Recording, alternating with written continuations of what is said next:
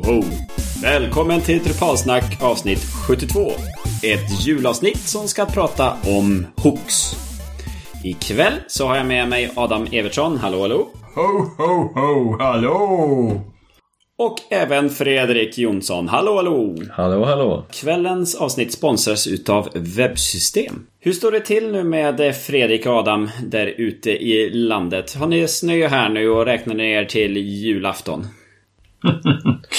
Ja, jag är ju mest söderut av oss tre här i, i närheten av Göteborg. Nej, snön lyser med sin frånvaro får jag väl säga. Men räkna ner till julafton, det gör man ju. Herregud. Eh, Det har ju smält på bra men snö har vi fortfarande. Uppe i fjällen finns det massor. Trots klimatförändringar och grejer. Men kanske Trump fixar det där han. Mm, säkert. Ja, vi har tre centimeter snö ungefär. Eh, så att det ser vitt ut, så det är ju skönt. Ikväll ska vi inte prata snö, utan vi ska prata hooks. Hooks är något som är specifikt för Drupal. Det är få andra system, CMS-system eller liknande, som använder hooks som programmeringssätt. Så vi tänkte vi prata lite grann om det ikväll. Eh, hur skulle du förklara hooks om Fredrik? Ja, det är en bit kod som man kan eh, lägga i sina, sin egen modul som automatiskt hookar in, alltså krokar in i, i Drupals kod när Drupal körs. Och då har man då olika hooks för olika steg i, i koden. Men när man, en Drupal-sida laddas så händer ju en otrolig massa saker. Det laddas saker från databaser och eh, saker renderas och det hämtas saker från cache och det ska eh, CSS och JS-filer ska slängas ihop och eh, eh, göras mer effektiva och eh, etc. etc. Man ska kolla accesssystem och ja, det finns otroligt många saker som händer. Och på det här då har man i Drupalskoden på varje steg nästan så har man eh, hooks som man då och genom att lägga in olika hooks-funktioner då så kan man ändra, lägga till, fixa eh, saker som händer. Utan att behöva ändra i Drupals egna filer. Lät det som någonting? Mm. Nej men det tycker jag var en bra förklaring. Ehm, Adam, har du använt någon hook någon gång? Ja, eh, det har jag. Eh, jag får väl säga att det är ju inte ofta jag gör det eh, eftersom jag inte kodar så mycket. Men eh, och, och, det är ju också därför som jag tycker om Rules-modulen som, som tar hand om mycket sånt här ut, via peka-klicka istället för att eh, skriva kod. Men jo då, eh, jag har väl ändrat lite, eh, eh lite innehåll i formulär och eh, eh och framförallt kanske ändrar eh, outputen från noderna eh, som ska visas på, på sidorna. Att man tar hand om det. Och då är det ju mest i temat. Men eh, eh, vi kommer ju prata lite mer om, om var man kan placera de här hookarna. Men eh, jo då, jag är inte novis på, eh, på området, så kan man säga. Det var en anekdot jag kom ihåg. Kan det ha varit på DrupalCon Paris eller något sånt där? För några år sedan när någon som tryckte upp T-tröjor med Hook World Alter eller någonting där i stilen. Mm. det var ju bara ett... Eh, att, uh, hookarna är ju ett väldigt kraftfullt system i spelet Hook Form Alter är... Det var någon som sa att I don't know what the question is but the answer is Hook Form Alter. ja. Nej men eh, ja, hooks är ju väldigt såhär, det är ju det sättet man interagerar med eh, Drupal-kärnan. Eller egentligen att Drupal-kärnan kan interagera med ens egen kod och andra modulers kod. Ehm, och vi tog och pratade lite grann här innan, eh, innan vi skulle köra igång. Och skillnaden i Drupal 7 och 8 och hur det fungerar där. Och, eh, lite kort så kan man ju säga som så att det finns tre typer utav hooks i Drupal 7. Det ena är att man har en infohook där man i princip definierar upp kod eh, för att kunna säga till Drupal att jag finns, jag har kod och jag kan erbjuda de här sakerna. Det kan vara att jag har ett block som ska kunna visas. Jag har en, en fälttyp eller något annat plugin eller sånt som jag kan visa upp. Sen så har man eventhookar där man vill säga till Drupal när det här händer i övriga Drupal vill jag också kunna göra någonting. Eh, det kan vara när en nod sparas. Då vill jag kunna göra någonting efteråt. Jag vill kunna skicka ett meddelande, ett mailmeddelande eller eh, Eh, jag vill kunna ändra status på någonting annat eller något sånt där. Och det är så här ett event-hook. Och sen har man alter hook. Där man ändrar innehåll.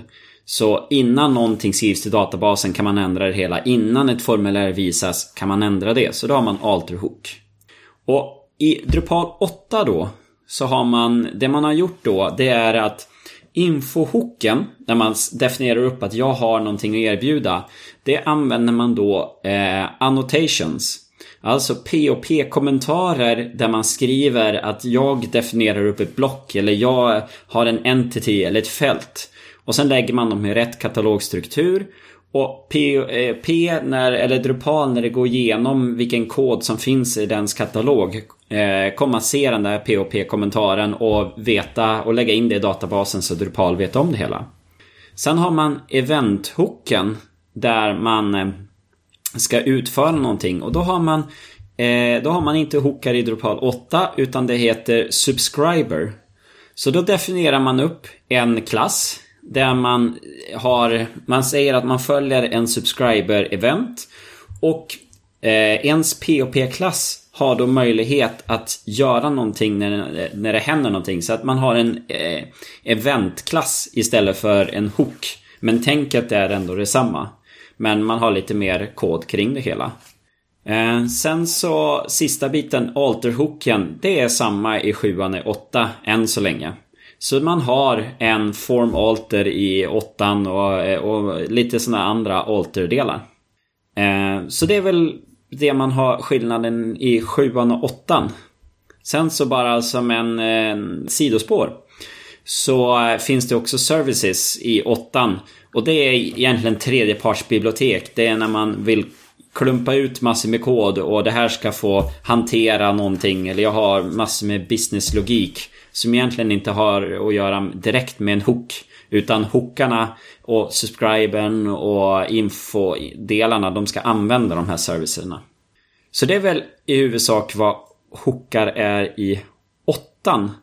Ehm, men i tänket är det ju samma. Man, använder, man vill ju flagga upp för Drupal. Att man eh, vill kunna göra någonting. Vet vi varför? Alltså, jag har ju pysslat med både Drupal 6 och Drupal 7 och där har man ju använt hookarna. Eh, så jag är ju mest van vid det. Eh, nu kom Drupal 8 och så plötsligt så börjar man gå ifrån det här hook-systemet. Eh, hur vet, vi, vet ni varför? Beror det på hur strukturen, alltså infrastrukturen i 8 är annorlunda mot de tidigare versionerna eller var folk bara trötta på det? Det är väl en del att veta att man, man plockade in eh, symfonidelar och då fick man deras sätt att lösa de här problemen. Mm. Och att man gick över till eh, mer objektorienterad kod och det är också i, därför att eh, Symfony bygger på det. Ja, precis. Och då är det ju det att event subscriber-tänket som man har det är ju en sån standardiserad sätt hur det fungerar i andra programmeringsspråk och andra framework. Så då har man som tagit efter det istället för att vi ska ha någon special för Drupal. Mm. Eh, det är väl inte för att det är bättre utan för att bli mer enhetlig med hur andra tänker och formulerar sin kod. Ja. Ehm, så det är väl det man ska säga. Det är inte att Hooks har varit dåligt. Det finns vissa nackdelar. Det här med att hur eh, att namespaces och hur det strukturerar man upp sin kod. Men det är ju inte det, är inte det som har drivit det hela utan det är ju mer att vara enhetlig med resten av omvärlden hur man strukturerar kod. Mm. Och sen eh, det är ju det med hookarna används ju även för att ändra design lite hit och dit och då har vi ju haft en fråga här. Ja men du kan ju skriva en hook i ditt tema också. Och är det någon skillnad på en hook i temat jämfört med en vanlig modul? Och svaret på den frågan är nej, det är ingen skillnad. Mm.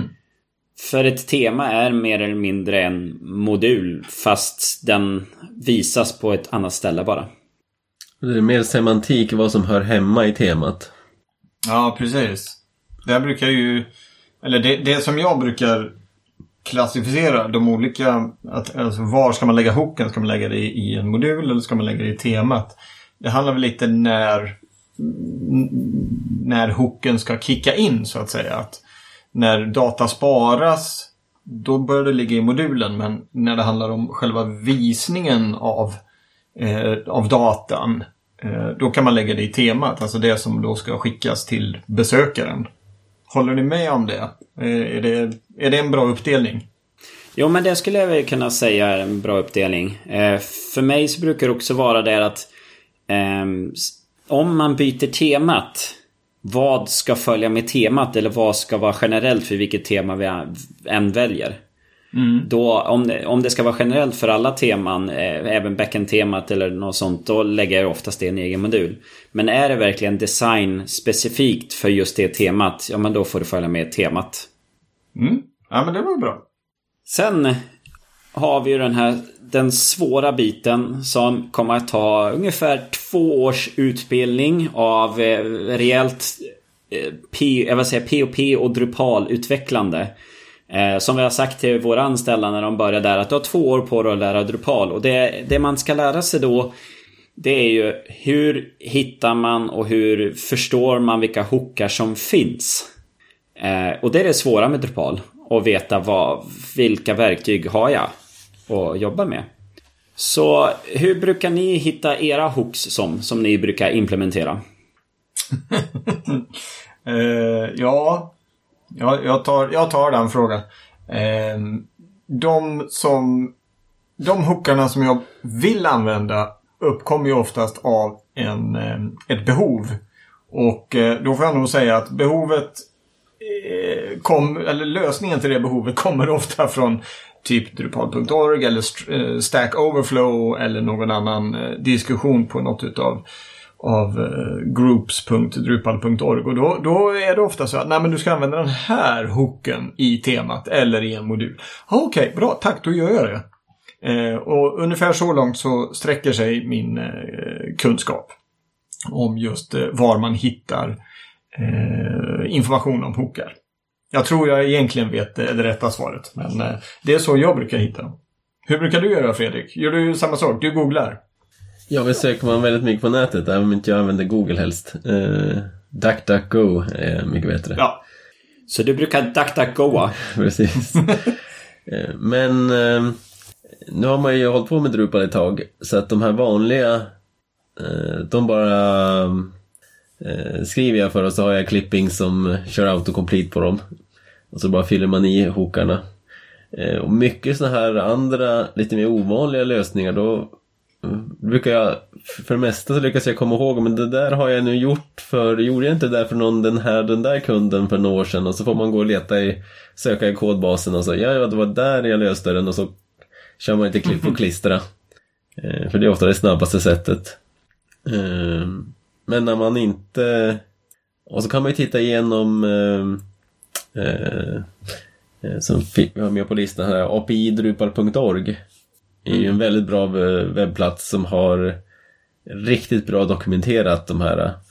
Och det finns mycket bra kommentarer för varje hooks där också. Eh, det kan vara och du har länkar mellan olika hooks så att så man kan följa flödet och se vart vart är det bäst att ehm, eh, för mig att lägga in den här koden som jag vill eh, som jag vill köra. Vart är det, är det bäst att köra den? Så det är, en, eh, det är en väldigt bra information och det är riktigt, riktigt bra dokumentation. Du då Kristoffer? Ja, jag brukar, ja, jag brukar ju googla ganska mycket och då kan man ju oftast ja, men söka och på hook och sitt problem som man vill kunna förstå. Sen brukar jag ibland då läsa den fantastiska manualen. Eh, RTFM. Och eh, sen så är det en Contrib-modul. Som eh, inte har någon bra dokumentation och det finns inte så många som använder den modulen. Så man har inte så mycket andra som har skrivit frågor. Då är ju slutändan gå in och titta i koden. Och följa. Så här, eh, Ibland så hamnar man i att den här modulen skriver ut ett block och jag vill kunna ändra någonting. Och då följer man koden och ser vad händer här, vad händer här, vad händer här och sen så helt plötsligt så ser man en rad som heter Drupal Alter. Eh, det, är ett, sådär, det är ett anrop till, eh, som den modulen gör då där den säger att alla som vill ändra på min data då har en möjlighet här när det är en Drup, eh, Drupal Alter. Eller så söker man efter, eh, vad heter den, Module Invoke. Eh, det är också ett sånt funktionsanrop som moduler kan anropa till och ge dem möjlighet för folk. Det är ju event-tänket då att de kan eh, Eh, kan köra annan kod när någonting händer. Så att det är ju slut, slutstationen om man inte hittar någonting. Det är att försöka följa koden och då söka efter Module Invoke och Drupal Alter. Um, och finns det inte möjlighet att man kan ändra det man vill ändra så är ju det ju att att patcha den modulen. Att skriva att ja, men, den här datan vill jag kunna ändra på och så gör man en issue på Drupalkön. Och sen lägger man in sin kod för att en sån alterdel, jag har gjort det på något ställe och en kollega som jobbar med Visivygg. Eh, ehm, där var det någon också som ville, ja men jag vill kunna ändra de här inställningarna på min tredjeparts eh, widget eller editor. Eh, jag vill ha en hook här, en Drupal alter hook här. Kan jag få det? Och eh, som maintainer så är det, ja men fine. Eh, om, du, så här, om du vill kunna ändra den datan då kan vi lägga in det hela. Sen får ju du ta ansvar att använda datan på rätt sätt. Men det, då blir det ju ditt bekymmer. Mm. Mm. Eh, så det brukar ju vara min, min del. Men sen är det det, man googlar ju väldigt mycket och just veta vad kan jag göra med en hook eller inte. Som i sjuan när man har en en Node Insert. Vad, vad kan jag göra då? Eh, och då är det väldigt bra att kunna läsa den officiella dokumentationen och se det. Jaha, nej men. Eh, en, en Hook Node Insert, det är efter att databasfrågan har körts. Mm -hmm, nej, men då kanske jag inte kan göra, då kan jag inte ändra datan innan. Vilken hook ska jag använda då? Och eh, vad är det för argument jag får in? Är det nod eller får jag någonting annat med in? Så att, eh, att kunna läsa den dokumentationen är ju är väldigt bra. Eh, den tycker jag ändå Drupal gör det bra. Man kan läsa kommentarer också hur andra folk har använt den och vilka frågor de har haft. Tips andra MacOS-användare så finns det ett program som heter Dash på capelli.com. Vi lägger en länk till dem i show notesen. Eh, det är ett program man kan ha mm, det finns en uppsjö av dokumentation för olika programmeringsspråk och frameworks och sånt där som man kan ladda in där. Och eh, de har också både Drupal 7 och eh, Drupal 8 dokumentationen och det är dokumentationen från api.drupal.org man får in där. Det är att man får in dem i ett program så man kan ha dem lokalt, man kan även man inte ha internetuppkoppling och det går förstås väldigt, väldigt snabbt att söka. Och man kan göra i små grupper och söka i massa olika, man kan söka i, i Drupal och POP-manualerna samtidigt till exempel och sådär våldsamt smidigt och integreras med editor och sånt. Så det är ett tips. Ofta kan jag skriva eh, hook, eh, entity och så ser jag vad finns det för någonting. Mm, hook entity eh, pre-save, ja men det låter ju bra det. Det kollar vi vad det är för någonting. Du får, du får förslag liksom när du börjar skriva precis som i en, en kodeditor på Ja, precis. Och så, mm. så får man se allting som börjar på Hook Entity. Och det finns ju en hel radda. Då kan man se vilka som finns. Det är rätt smidigt. Det finns ju en sån, går på apidrupar.org så har man väl också en sån autocomplete sökgrej.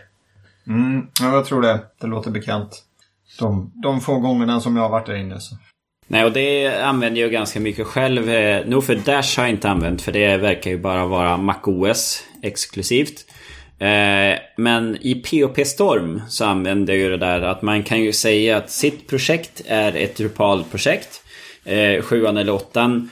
Och då, eh, då hjälper den till. Så då när man börjar skriva sitt modulnamn, underline och börjar skriva, då hittar den vilka hooks som kan finnas. Och när du har namnet och trycker enter, då lägger den till kommentarerna och den lägger till rätt parametrar som ska in, eh, eller argument till den här hooken.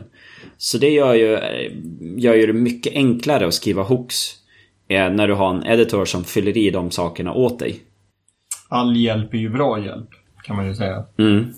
Och angående hjälp, eh, när man jobbar med hooks så är ju det oftast en, en sån blackbox-del. Antingen funkar det eller funkar inte. Så att Ehm, att debugga det hela är ju en liten sån eh, egen, eh, vad ska man säga, en kvalitet kanske man säger. Att, att kunna lära sig debugga hooks på ett bra sätt. Eh, hur skulle ni debugga hooks om? Om saker och ting inte funkar eller det gör något nytt? Det första jag nästan alltid gör när man gör en hook, då slänger man in hooken med rätt argument och sånt där i sin editor. Och man, det enda man har i den är att man skriver DPM eller ja, Drupal Print Message. Det finns en DPM-funktion som finns i Devel-modulen. Jag så lägger ofta till Search Chrome och mina projekt. Jag, kan, jag brukar köra SDMP så får man lite snyggare utskrift. Så kör man en eh, SDMP på alla de argumenten som eh, skickas in i den här hooken. Och så sparar man och så kör man en webbläsare och tittar vad tusan finns där inne egentligen. Då får man alla de här jättearrayerna så kan man se vilka värden som finns och vad man kan göra och vad man ska ändra för någonting. Och det gör man så ofta så att jag vet inte, det går på automation. SDMP har jag nog aldrig kört faktiskt. För jag tycker att DPM tillsammans med eh, Search Chrome och brukar funka så det måste jag kolla. Nej, Men skillnaden med eh, SDMP, då får man, det blir rätt variabler i de här uh, stora arrayerna som man kan, kan klicka sig igenom då. Med Chrome så, det är att man får rätt variabelnamn. Så har man kört en, kör en DPM form så står det inte form, då står det ju var bara. Men kör du Ja, okej. SDMP då får du just rätt variabelnamn. Så när du kopierar kod och sånt där inifrån så, så blir det rätt på en gång. Det är ju, sparar i någon millisekund. Varje Ja, gång. nej, men det ska vi ta med oss för det är ju ett bekymmer. Man, man döper sina variabler till var helt plötsligt bara för att det ska bli enklare. Precis, och så glömmer man ändra och så blir det fel och så måste man, ja. Man, man sparar ju lite, lite, tar bort lite irritationsgrej. Och där kan vi säga för er som använder Drupal 8 så heter motsvarande kommando med kint KSM. Eh, jag undrar vad det står. Crow eller kint... Ja, något SM message. Set, set message kanske? Så, ja, kanske är något sånt. För det är ju det att eh, man vill ju att en DPM eller en KSM ska synas det första du gör när du implementerar en hook. Så att du ser att din hook har körts.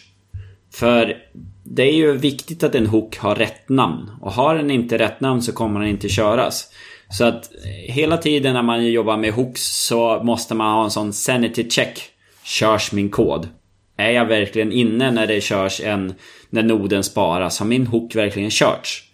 Eh, och där, där är det ju jätteviktigt att lägga in en sån DPM-kod för att veta, ha, ha, ha, mitt körts? Sen använder man ju det väldigt mycket för att se, nu har, nu har jag en hook här på en pre-save, jag får in noden, men hur ser noden ut? Och vad för data in? Det är ju också väldigt bra att kunna se med sån DPM. Att, ja vad är det för variabler jag har att spela med på den här hooken? Ett eh, annat debuggrej, för det är ju inte alltid de här DPM-erna funkar. Det är inte alltid eh, hooken körs på det. Man kan ju köra Ajax-anrop eller det kan vara andra problem som gör att den skrivs inte ut. Eh, då kan man köra Watchdog. Så att den skriver till eh, vad det, en logg, eh, log entry. Precis. Kör man en Watchdog och då kan man också, kör man lite print R med så här true attribut där så kan man trycka in arrayer och sånt också. Ser inte så snyggt ut men det fungerar. Det är ett tips. Nej men det... Ja, jo, men det är väldigt bra också. Det har jag gjort någon gång. Ibland har jag skrivit till fil också. Nej, för det, det minns man ju den första gången man skrev en hook. Och man insåg att oj, min kod körs här inne i det stora håriga Drupal. Såhär, oj. Nu är jag ju en del utav Drupal helt plötsligt. Det var ju en väldigt skön känsla att se att ja, men min kod körs. Ja, Jag är en del utav det hela. Ja, det, jag känner igen den här känslan. Det, det är rätt coolt att se att, att det faktiskt händer. Vilken, eh, vilken är din favorithook då? Adam? Topp tre.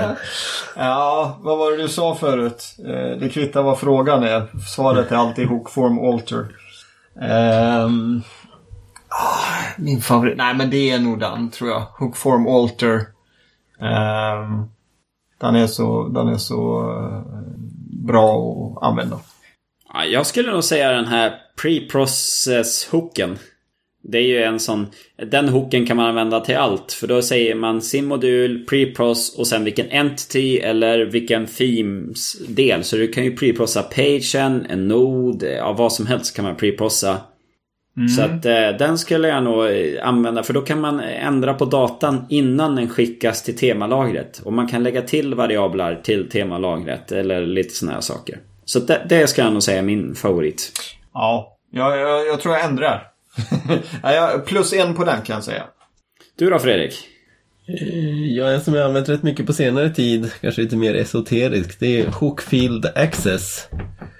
Där man kan styra eh, vem som ska få se olika fält. Jag bygger rätt mycket eh, olika typer av interna system. Med webbapplikationer där man då har så vissa fält kanske bara för administratörer och sådär. Och då med den här hooken då så kan man tala om att de här fältena sätt uh, access false på dem om rollen inte är si och så. Mm. Det är rätt smidigt. Det är ett exempel på vad man kan göra. Jag tänkte nästan säga att ja, din favorithook måste ju vara field eller hook permissions. Så man kan definiera fler rättigheter. Men jag var ju inne på rätt spår där helt enkelt. Mm. Jag kör rätt mycket eh, hook node grants och access records och de jobbar jag ganska mycket med. Jo, de använder vi också väldigt mycket. Det är ett väldigt kraftfullt hook. Att kunna definiera upp sina egna rättigheter på noder. Man får hålla tungan rätt i mun om man säger så. ja. Lite synd att den inte, eller den finns ju åttan, men den är fortfarande bara för noder i åttan. Det finns en issue om att ta den för alla entities. Mm. Att du kan få grants på entities också. Så det, det är spännande. Ja, det ska man ju definitivt behöver man För nu börjar man ju ha separata system för att styra dem. Det vore väldigt trevligt att kunna göra allting i samma system. Mm. Några andra favoriter ni vill tipsa om? Ja, en annan är ju Hook-kron. Den använder man lite nu då när saker och ting ska köras på kronjobbet. Definierar man upp en sån. Men i alla fall är det ju Form Alter. Form Alter, när man började använda den från början så insåg man ju också vilken kraftfullt system Drupal var. En en av mina favoriter också är Hookfile URL Alter. Där man kan eh, ändra utgående URLer. Till exempel kan man använda den för att väldigt enkelt styra om eh, till exempel alla bilder och alla JavaScript-filer till, eh, till en CDN. Används här på drupalsnack.se bland annat. Mm. Mm. För då eh, snappar man upp eh, Eh, om ex, man kollar bara vad, att man får igenom alla URI körs genom den här uh, Fired URL Alter hooken. Uh, så man kollar bara, är den public? Är den, um, vilken extension har den? Har den rätt extension och är public? Uh, då ska du ändra Eh, domänen till eh, static.exempel.se och sånt där. Eller vad man nu har vad man nu kallar sin CDN. Eller man kan eh, bara lägga bilderna på en separat webbserver så att man kan ladda bilderna från en webbserver och resten av eh, asseten från en annan bara för att nedladdningen ska gå snabbare. Eller ja, gå och göra lite olika saker. Det verkar finnas eh, hookar för i stort sett alla, alla tillfällen. Kan man väl säga. Två andra riktigt bra hookar är Hook Admin Path och Hook Admin Path Alter. Där man kan, eh, eh om man använder ett admin-tema så kan man bestämma vilka URLer som ska visas i admin-temat och vilka som ska visas i det vanliga temat. För Hook Admin Path det är om man har sina egna sökvägar som man vill definiera och Hook Admin Path Alter det är om det finns något existerande som man vill ändra på. Om man till exempel vill att ehm, eh, jag har till exempel ett tillfälle där när man redigerar noder så vill man göra det i admin-temat. Men när man skapar några av noderna så vill man att det ska ske i det vanliga temat. Så kan man lägga till en path node add article lika med false. Och då har man sagt att just den formuläret ska då visas i det vanliga temat och inte i admin-temat. Det var ju en väldigt bra hook. Jag har inte tänkt på att den finns. Men man har ju verkligen det bekymret ibland att vissa nod content types vill man ha i admin-temat och vissa har man inte. Det, det måste jag säga till mina kollegor. Det var, ja, det var ett bra sätt att använda den hooken som jag inte tänkt på. Som du sa Dan, det finns hooks för allt. Mm. There's a hooks for that. Ja, precis. När de säger app eller there's, there's an app for that. Ja, eller there's a module for that. Det är väl, det är väl kanske utvecklarnas svar på, på sitebuilding eh, ordspråket här. There's a module for that. Säger utvecklarna ah, there's a hook for that. Och vad säger stylarna då? It's a class for that. Ja, precis. Och vill man verkligen grotta ner sig i hooks kan man titta i views-modulen. Där vet jag inte hur många hooks de har eh, bara för views. Det finns ju som eh, innan databasfrågan ställs, efter databasfrågan ställs, eh, innan sidan renderas, efter att den har renderats, innan den har visats, efter den har visats. Ja, hela lång radda. Man kan verkligen gå in precis där man vill i viewsflödet. Jo. Sen en annan hook som jag tycker är ganska trevlig. Det är hook schema. Det är en hook för att definiera upp sin egen, sina egna tabeller i Drupal. Så att man kan spara eh, olika data och sånt. Vi har använt det för eh, viss typ av loggning som man vill kunna ha. Och då vill man spara undan det och inte ha det som en nod eller andra sådana saker.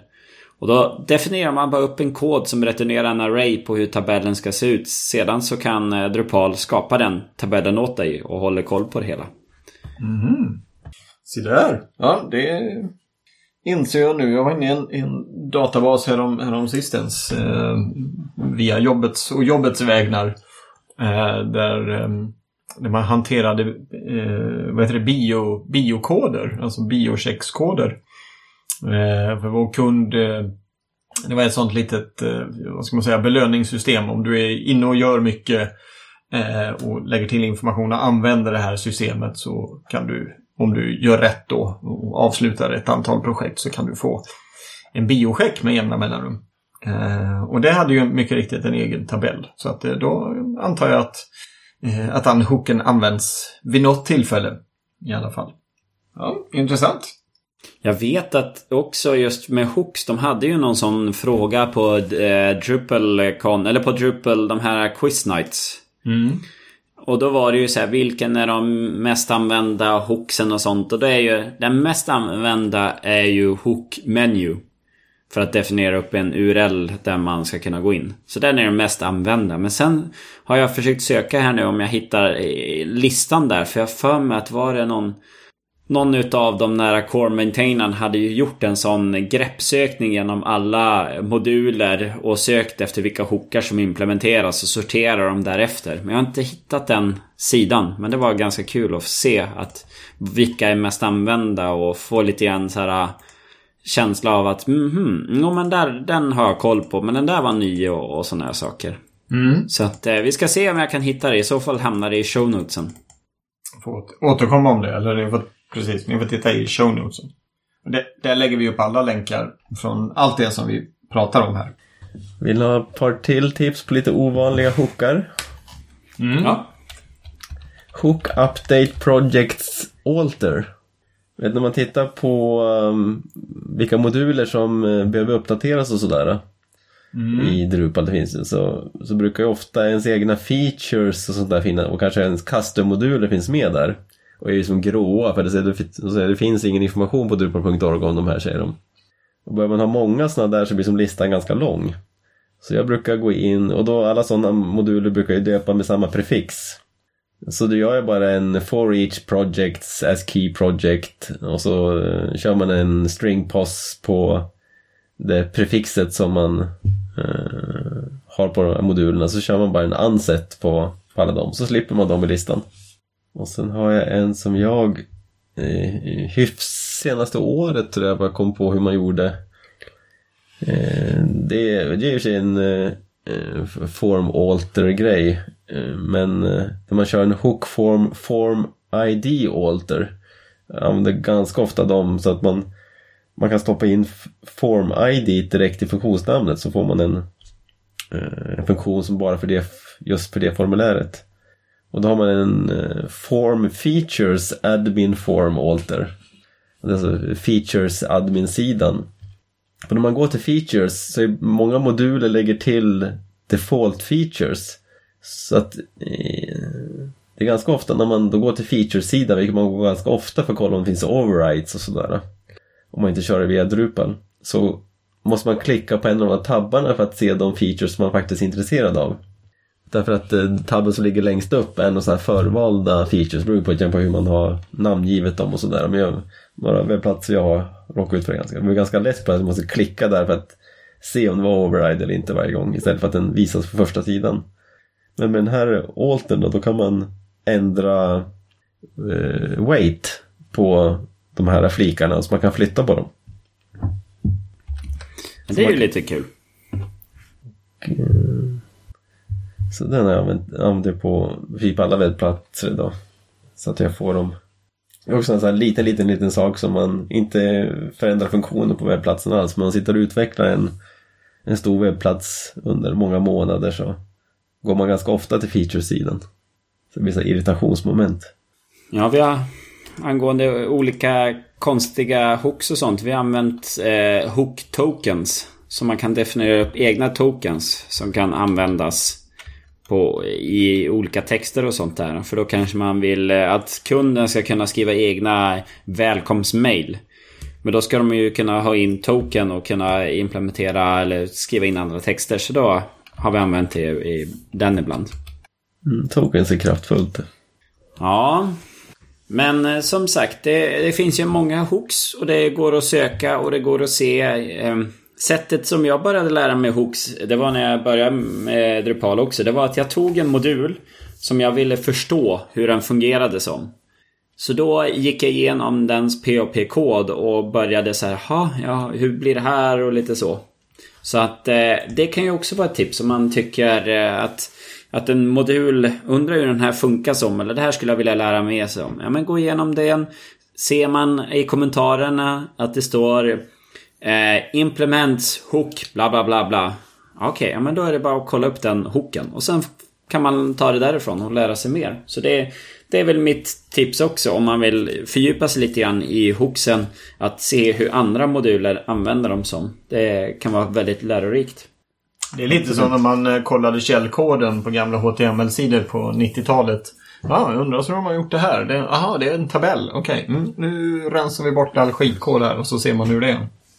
Mm. Det är ju fördelen också med ett uh, öppet källkodprojekt att, att det är lätt att göra detta. Och, och naturligtvis så, så, har vi ju då api.rupal.org och vi har massa andra uh, resurser också. Men, uh, men fördelen där är ju att ja, men om, om jag vill ha något liknande Eh, funktionalitet här. Undras hur de gör. Ja, Okej, okay, de eh, använder de här hookarna för att eh, göra det de ska och så vidare. Mm. Mm. Det är bra tips. Det är aldrig fel att kolla in hur andra gör. Nej, precis. Ja, så nu tänkte jag gå in till avslutningen på det här avsnittet. Men är det någon av er som vill hooka in och ändra någonting på programmet? Fick han till det? Ja, ser du där. Nej, det, det, jag, jag, jag måste ju ändå ta chansen. Nu när du ändå säger det så måste vi ägna en liten tanke åt, eh, åt både Kapten Krok, det vill säga Hook, Eh, och gärna då 90-talsfilmen Hook eh, som är en av mina personliga favoriter för den är så fantasifull. Och så naturligtvis eh, måste vi eh, nämna Hooks ifrån Polisskolan. Eh, den lilla pipiga damen som ryter till mot eh, slutet av filmerna. Eh, och med det så eh, hookar jag bort mig eh, från, från detta. Jag ville bara ta chansen. Och tack så mycket. Tack, tack. Och då vet vi det tills nästa gång att show error message eller develop message ska vi stänga av på produktionsinspelningen.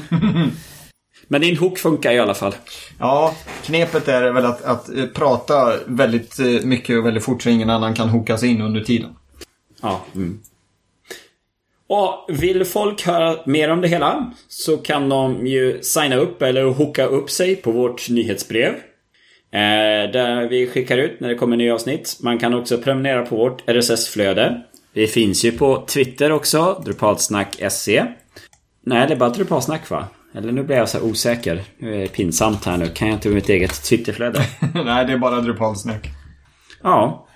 Och vi finns ju såklart på drupalsnack.se.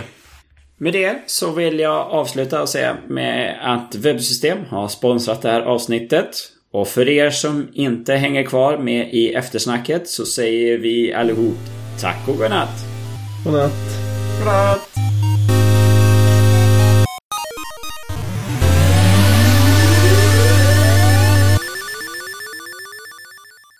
Så ja. Då var vi inne i eftersnack igen. Sista för i år får vi vilja säga. Ja. 2016 går mot sitt slut. Vad har, vi, vad har vi pratat om egentligen i höst? Har vi bara suttit och snackat skit eller har vi faktiskt eh, pratat om något vettigt?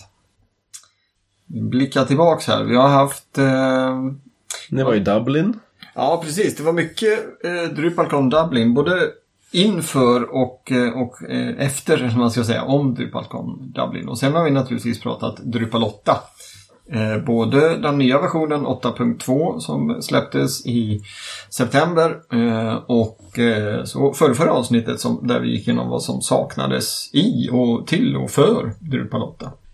Det har varit mycket, mycket sånt. Och så klämde vi lite säkerhet in emellan där också. Det var nog ditt tips Fredrik med Let's Encrypt, certifikat, eh, TLS och gamla, eller ja, TLS heter det ju nu, eller kallas det nu.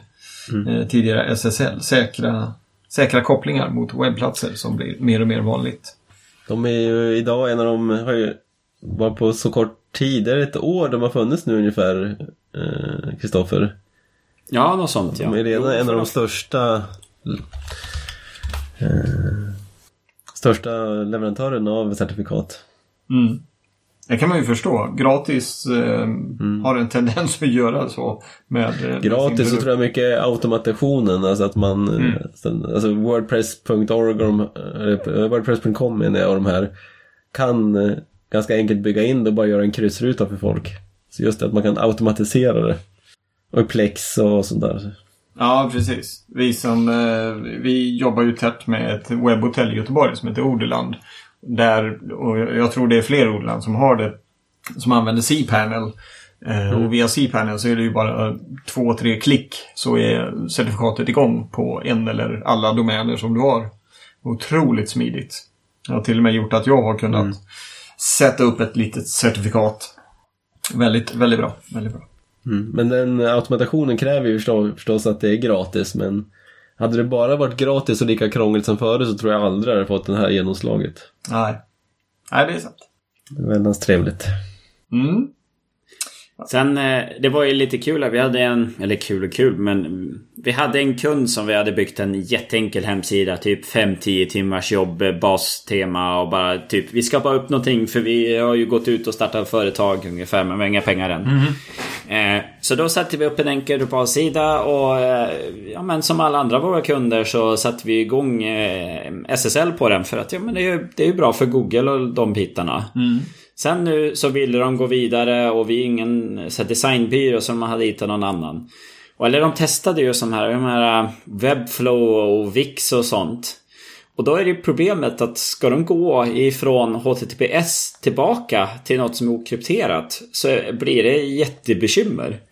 Så att, eh, för då är det eh, Wix och Webflow, då får du antingen betala extra eller så kan de inte hantera det hela och kan inte tillhandahålla det hela. Så att på det sättet så tycker jag det känns bra när man nu får in HTTPS och folk blir som kvar i det hela. Så att det är ju ett, det är ett steg framåt och det är ju svårare att gå tillbaka till okrypterat efter det hela. Mm. Så det var lite grann. Mm. Ja. 72 avsnitt har det blivit. Nu går vi snart in på, om jag minns rätt här, alltså då, det måste bli fyraårsjubileum i, i december, alltså nu. Jag tror att ni körde igång detta 2012. Jag får Ja, kolla det kan snabbt. Ja, 2012, 12, 12. Det är ni. Fyra år har, har vi... eh, Jag kom in i avsnitt två, men fyra år sedan så eh, la ni grunden här, Kristoffer och Fredrik. Känns det bra? Trodde ni att, ni skulle, att eh, det skulle hålla på så här länge? Inte en chans. Fyra år, det har Nej. gått så fort. Jag var så gammal. ja, precis. Nej, du är, lika, du är lika gammal som för fyra år sedan, fast eh, fyra år äldre.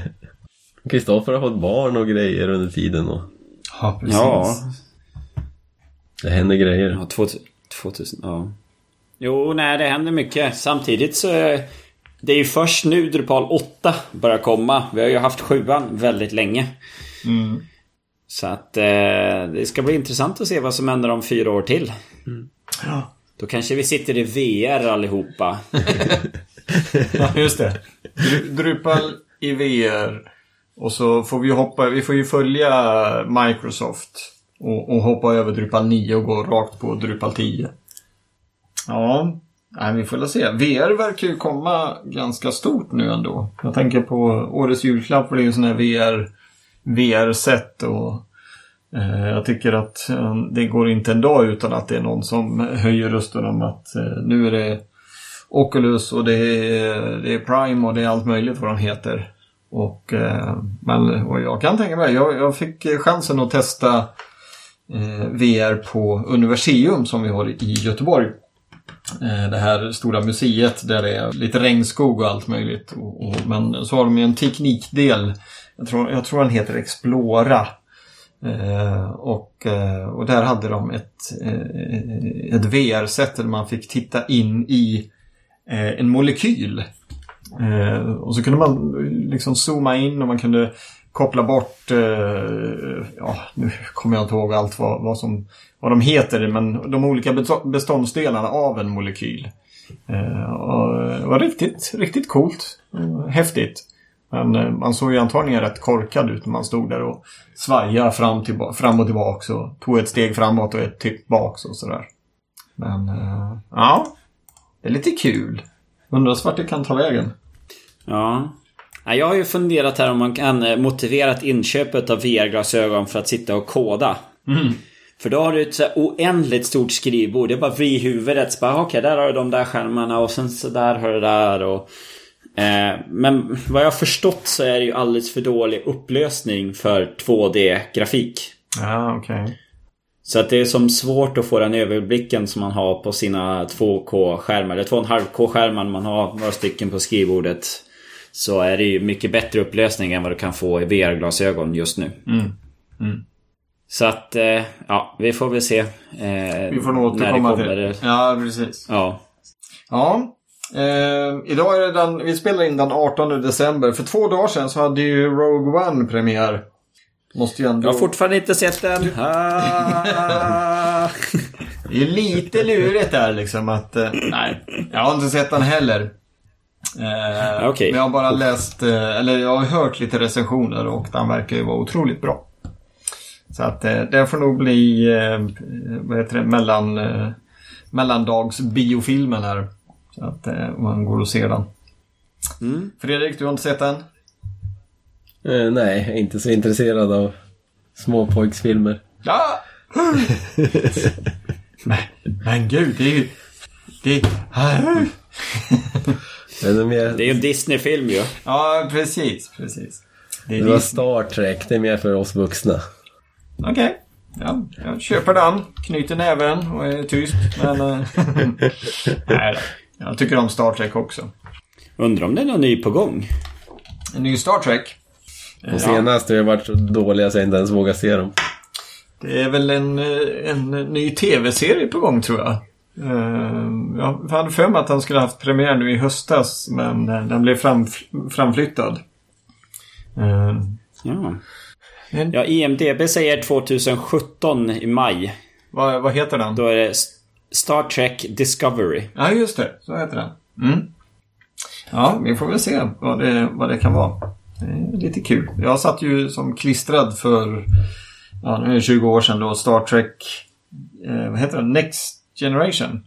Det- Med, TNG. ja, Det är den riktiga grejen. med Captain Picard och Ja. hans, eh, hans crew, hans eh, besättning. Det var riktigt bra. Eh, eh, vad fördelen när TV4 kom ner i marknätet. Så kunde man, de visade ju den. Det var väldigt trevligt. Helt annan grej, jag tittade lite grann bakåt. Jag var grävde i förrådet och råkade hitta ett 25 år gammalt tangentbord. Ooh. Eh, Jag vet inte riktigt varför jag la bort. Ja, det var någon- det är ju stort och tungt. Men det är så här Apple Extended Keyboard 2. Som eh, enligt ett antal bedömare räknas som ett av de bästa tangentborden som har gjorts. Och jag googla eh, plockade fram det och hittade en sån här, jag hade en låda, en sån här, um, det var ADB-kontakter på de där. uh, Den där eh, speciell Apple-kontakt som de hade på 90 80-90-talet. Mm. Så vi hade en sån eh, konverterare, en liten lodda eh, till USB. Och det fungerar fortfarande klockrent. Ser Och du? jädrar vilket skönt tangentbord. Extender. Jag, jag googlar fram en liten snabb, eh, snabb bild här. Eh, den, har, den verkar ha fem extra tangenter ovanför funktionstangenterna. Stämmer det?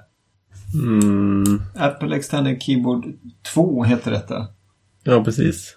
Nej, jag vet inte om den... Jag sitter inte framför den just nu, men det kan jag inte komma ihåg att den har. Jag Det är vanliga var- funktionstangenterna och så har du, Ja, du har någon power-knapp och någonting ute till höger där. Ja, det här kan vara... Det var de första bilderna som dök upp på Wikipedia. Mm. Eh, eh, Made in USA. Det kanske fanns en USA-variant. För längre Mm. ner här så, eh, så kommer Mm. mycket riktigt ett, ett vanligt tangentbord, eller man ska säga. Om man jämför med ett... Man kan väl nästan säga Mm. att det ser ut som ett PC-tangentbord. Vi var tvungen att gå vägar och det väger, det väger 1,6 kilo. Oj. Och är det de nya Macbookarna eller Macbook Air? De väger väl knappt ett kilo. Ja. Det flyttas inte så mycket om man säger. Men du har väl också en sånt här rikt, riktigt tangentbord, eh, Kristoffer? Jag tycker det låter som det. Ja, inte egentligen här hemma. Här är det ett enklare Microsoft tangentbord. Men på kontoret, där har jag ett sånt mekaniskt eh, Corsair vad är det? K90 RGB så att det färgar och har sig sådär kul. Eh, men det, det är faktiskt ganska skönt att ha ett mekaniskt tangentbord man skriver och så att man får lite motstånd. Eh, sen så är det ju det, är lite annorlunda avstånd mellan tangenterna så jag är inte riktigt vant mig med det hela i alltid. Det blir lite felskrivningar här och där men Men det är, det är ändå skönt med mekaniskt tangentbord när man eh, sitter och jobbar. Det blir ju som ja, men feedbacken tillbaka att nu har jag verkligen tryckt på tangenten och så. Jag gillar med Apple Extended är att den, eh, den kanske är lite grann för högt. Jag gillar med de moderna Apple-borden att de är väldigt platt så de kommer så nära bordet. Så. Men eh, det är en skön känsla att trycka på. Det, inte, det låter ju en del, det låter lite grann mer men det är inte så att det rasslar så att det låter som hela huset håller på och skakar. Eh, Som jag har ju vissa sådana där uh, vi sådana IBM-tangentbord som är väldigt kända som de låter ju som jag vet inte vad. Mm. Eh, Men nej, en, ett riktigt tangentbord är otroligt härligt. Det är kul att fungera. Jag har ju en kollega som har köpt den senaste appen som har den här touchbaren. Det tangentbordet har ju någon sån där taktisk feedback tillbaka när du trycker. Så att du får ju som ett mer klickljud fast det egentligen inte borde vara något klickljud därför det är alldeles för tunt. Så att man försöker hitta så här lösningar på tunna tangentbord så att det ändå ska kännas mer mekaniskt. Där förstod jag inte riktigt poängen varför de skulle göra datorn 1,2 mm tunnare och så fick de sabba tangentbordet. Men då behöver man en tunnare, en lättare dator är bra men en tunnare dator, jag vet inte tusan är så noga på en provdator. Det varit plats med inte mer batterier hade de sluppit den diskussionen också. Ja. Fast batterier väger ju i och för sig då mycket så att det... Jo, det är ju sant. Jag läste, eh, eller rätt sagt jag såg en rubrik i veckan där Apple har gått ut och sagt att de ska ta bort eh, den här tidsuppskattningen, hur mycket batteri du har kvar. Eh, eller hur Mm, mycket... den är bort, den är borta redan. Den är borta redan. De tar senaste uppdateringen nu som kom så är den borta. Ah, se där. Ja, jag har inte uppdaterat min då. Eh, bra, då ska jag inte uppdatera. Bra. ja, eh, om jag förstod saken rätt så var det väl att folk klagar på att nej men det stod faktiskt 20 minuter, det tog bara 5 minuter innan datorn stängdes av. Eh, och liknande. Eh, kan det vara så? Kan det verkligen vara så att folk är så korkade? Att de, eller inte korkade, men att de klagar på sånt liksom. Ja, Apple såg det som att det var eh, för, alltså för många användare förvirrades av det, att det inte stämde riktigt. Att man, att man hur, hur kan det vara, först var en timme och så bara för att man stänger av något program så är det plötsligt en och en halv timme kvar. Ja, okej. Och det är för att det just, just det programmet tog mycket ström förstås, det kan ju, sån, kan vi förstå. Men... Ja, jo. Precis. Ja. Ja. Sug, sug. Där har jag på Windows installerat ett litet, vad heter den, Battery Toolbar eller något sånt där. Där får du ju se hur många millivolt du har kvar på batteriet och vad är din förbrukning just nu i millivolt. Så det, då har man ju sen mer hum om, okej då, men nu om jag sänker eh, ljusstyrkan, ja men då kan jag ju se hur det reflekterar och stänger jag den här eh, YouTube-streamen så kan jag ju se hur mycket det minskar i batteri och så, eller effekt. Så att eh, det, tycker jag ändå är ganska trevligt att kunna se siffror istället för procent hit och dit. Mm. Men sen, ja, batteritid är ju en svår sak att uppskatta. För att du vet ju inte exakt vad förbrukningen kommer att vara eller vad den är. Utan det är ju snitt hit och dit. Ja, precis. Mm. Men jag tror att vi då är dags för att eh, hibernata oss och gå ner i deep sleep-läge här nu. För nu har vi pratat en timme. Ja, Och jag, och jag tror det är dags för oss att avsluta 2016. Jag ska ta och gå och lägga mig och sova bort min sista bit av förkylningen. Det är bra att du kunde vara med ändå, trots att du var förkyld. Hela familjen var däckat en efter en. Eller, Oh. jag tror alla är, halva dagiset är borta och jag vet inte. alla. Hur var Men det är ju bra att göra bort det nu innan julafton. Ja, precis. Ja, man får se det så ja. Precis. Mm. Tack för, för den här gången eh, och eh, tack för i år, kanske man ska säga också. Eh, det- God jul på er och god jul på alla lyssnare. Ja, och gott nytt år. Så nästa gång vi hörs eh, så eh, visar kalendern och almanackan 2017. Ja. Vad intressant ska hända då? Ja, det, det får vi återkomma till helt enkelt. Om alla datorer har klarat den extra sekunden som blir vid nyårsafton. Oj då, är det sånt millennietjafs nu? Ah, det händer lite och då men... men det blir en sekund extra då så det får man leva på. Ja. Ja. Men, det, men det blir extra. Den dras inte bort utan det blir en extra.